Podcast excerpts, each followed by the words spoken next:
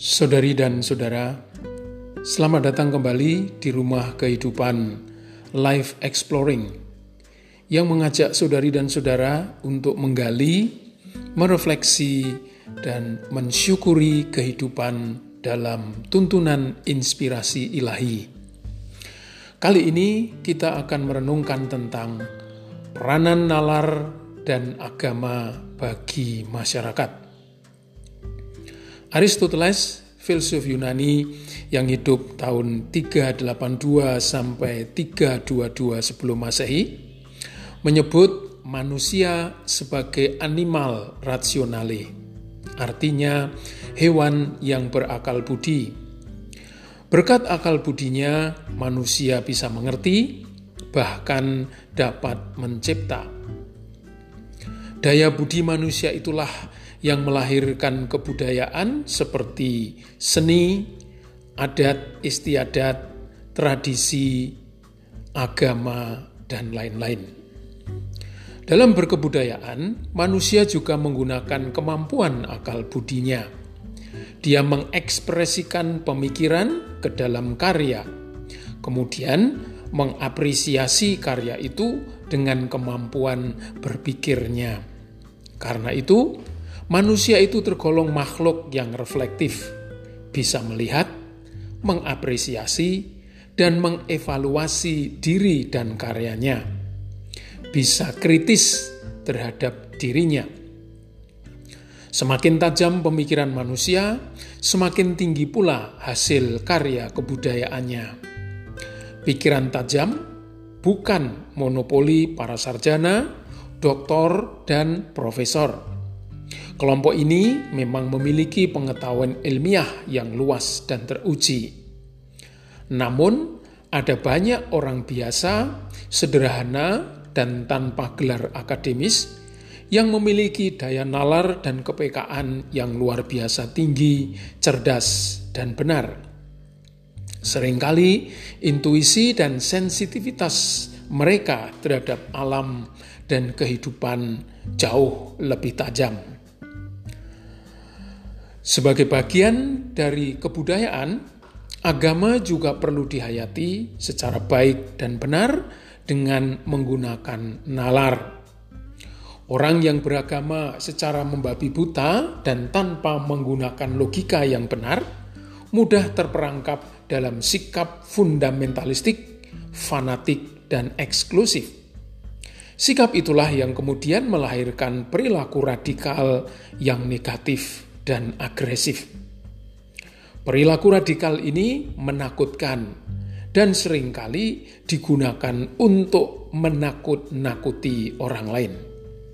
Mengapa demikian? Karena sebenarnya orang radikal itu sendiri sering dikuasai ketakutan. Orang yang ketakutan juga sering cenderung menyebarkan rasa takut, teror, extreme fear. Karena itu, para teroris sebenarnya bukan pemberani, tetapi pengecut. Karena takut ditangkap polisi setelah melakukan kejahatan, mereka memilih bunuh diri dengan bom. Itu juga untuk menghilangkan jejak para aktor intelektualisnya yang sedang ketakutan. Karena kalau mereka adalah pemberani, Tentunya para aktor intelektualis itu tidak menyuruh orang melakukan serangan, melainkan mengerjakannya sendiri. Perilaku demikian itu tidak berdasar nalar. Kaum teroris taat kepada perintah yang bersifat fundamental, tidak bisa didiskusikan, dan melakukan perintah itu tanpa berpikir panjang dan matang. Memang fanatik, selalu berpikir pendek dan sempit. Di hadapan orang yang berpikir waras, perilaku kaum teroris itu konyol dan tidak masuk akal. Sebagai orang penalar, animal rasionale, kaum beragama perlu juga mengembangkan kemampuan berpikirnya untuk mengetahui kebenaran agama atau imannya baik akal budi, reason, maupun iman faith menghantar manusia kepada kebenaran. Santo Thomas Aquinas menjelaskan bahwa iman dan akal budi merupakan dua jalan menuju kebenaran. Akal budi membuat orang mengetahui segala yang dialami dan dipikirkan dengan logika.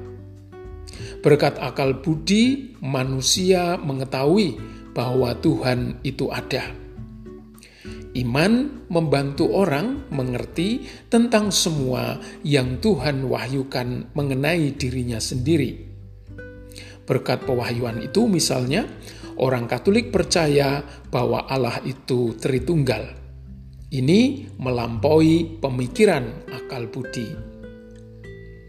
Karena iman dan akal budi itu menghantar kepada kebenaran, dan karena semua kebenaran itu harmonis satu sama lain, maka iman itu konsisten dengan akal budi.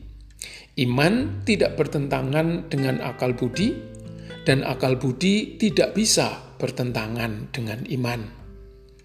Bagi orang yang memahami secara benar iman dan akal budi, tidak ada pertentangan antara yang disampaikan iman dan yang diungkapkan oleh akal budi. Kesimpulannya, tatkala agama dihayati dengan menggunakan nalar, para penganutnya dijauhkan dari perilaku barbar Ketika nalar dilengkapi dengan agama dan iman, dia akan menghasilkan ilmu pengetahuan dan teknologi yang bermanfaat positif bagi kesejahteraan manusia. Benar, kata Albert Einstein, science without religion is lame. Religion without science is blind. Ilmu pengetahuan tanpa agama lumpuh Agama tanpa ilmu pengetahuan itu buta. Betapa kita mendambakan keduanya, yakni peranan nalar dan agama dalam kehidupan kita. Saudari dan saudara, marilah kita mengusahakan dan menikmati hidup bahagia dengan mengasihi Allah, diri sendiri, dan sesama. Tuhan memberkati.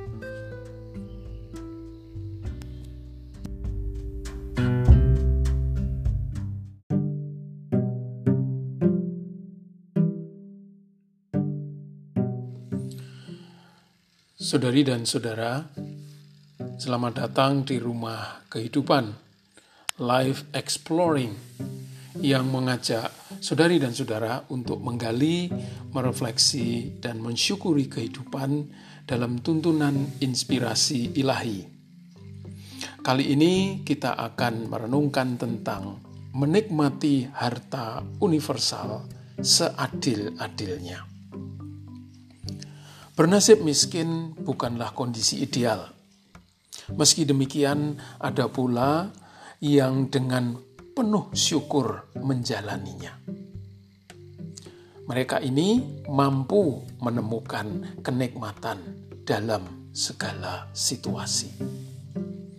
Dalam hal harta duniawi, ada kesan manusia mengalami semacam diskriminasi yang pandai dan bermodal belum tentu steril terhadap gagal. Sementara anak dari keluarga biasa-biasa dengan modal seadanya berhasil karena ketekunannya. Harta dan uang memang tidak bisa dikejar. Pertama, karena mereka tidak lari, dan kedua, makin dikejar justru makin menjauh dari kita. Rupanya ada satu kekayaan yang bersifat non-diskriminatif. Dia bernilai sama bagi siapa pun, entah yang kaya, entah yang miskin, bagi yang tua dan yang muda sama saja. Yang sakit tidak dibedakan dari yang sehat. Di hadapannya, pejabat dan rakyat sederajat tidak ada yang bisa merasa lebih berpangkat. Kekayaan itu adalah waktu. Semua orang diberi waktu yang sama dalam sehari, 24 jam. Yang membuat waktu itu berbeda nilai dan maknanya justru penerimanya. Ambil contoh orang lanjut usia, lansia, dan kaum muda. Orang-orang lanjut usia menikmati kekayaan, yakni saat ini, dalam kebijaksanaan yang diperolehnya melalui pengalaman hidup yang lama.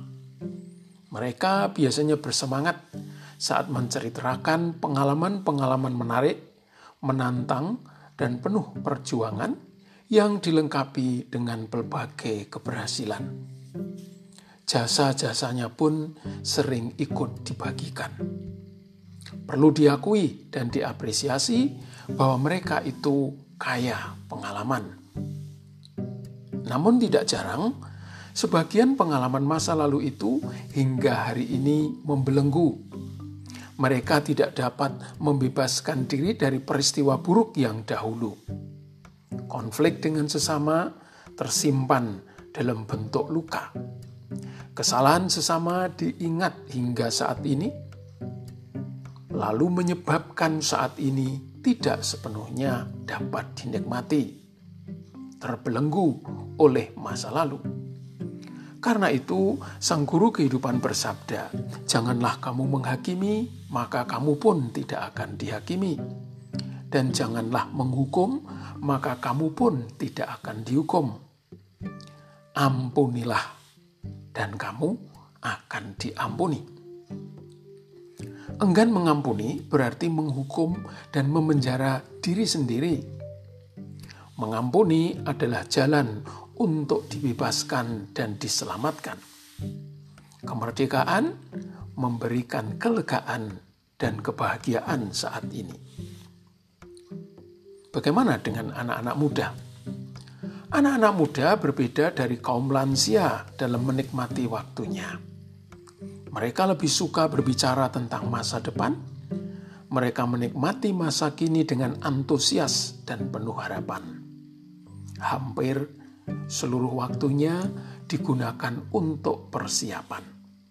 Mereka penuh energi dan berjiwa ceria karena menyongsong hal-hal baru yang penuh kejutan. Bukankah kejutan itu selalu menarik?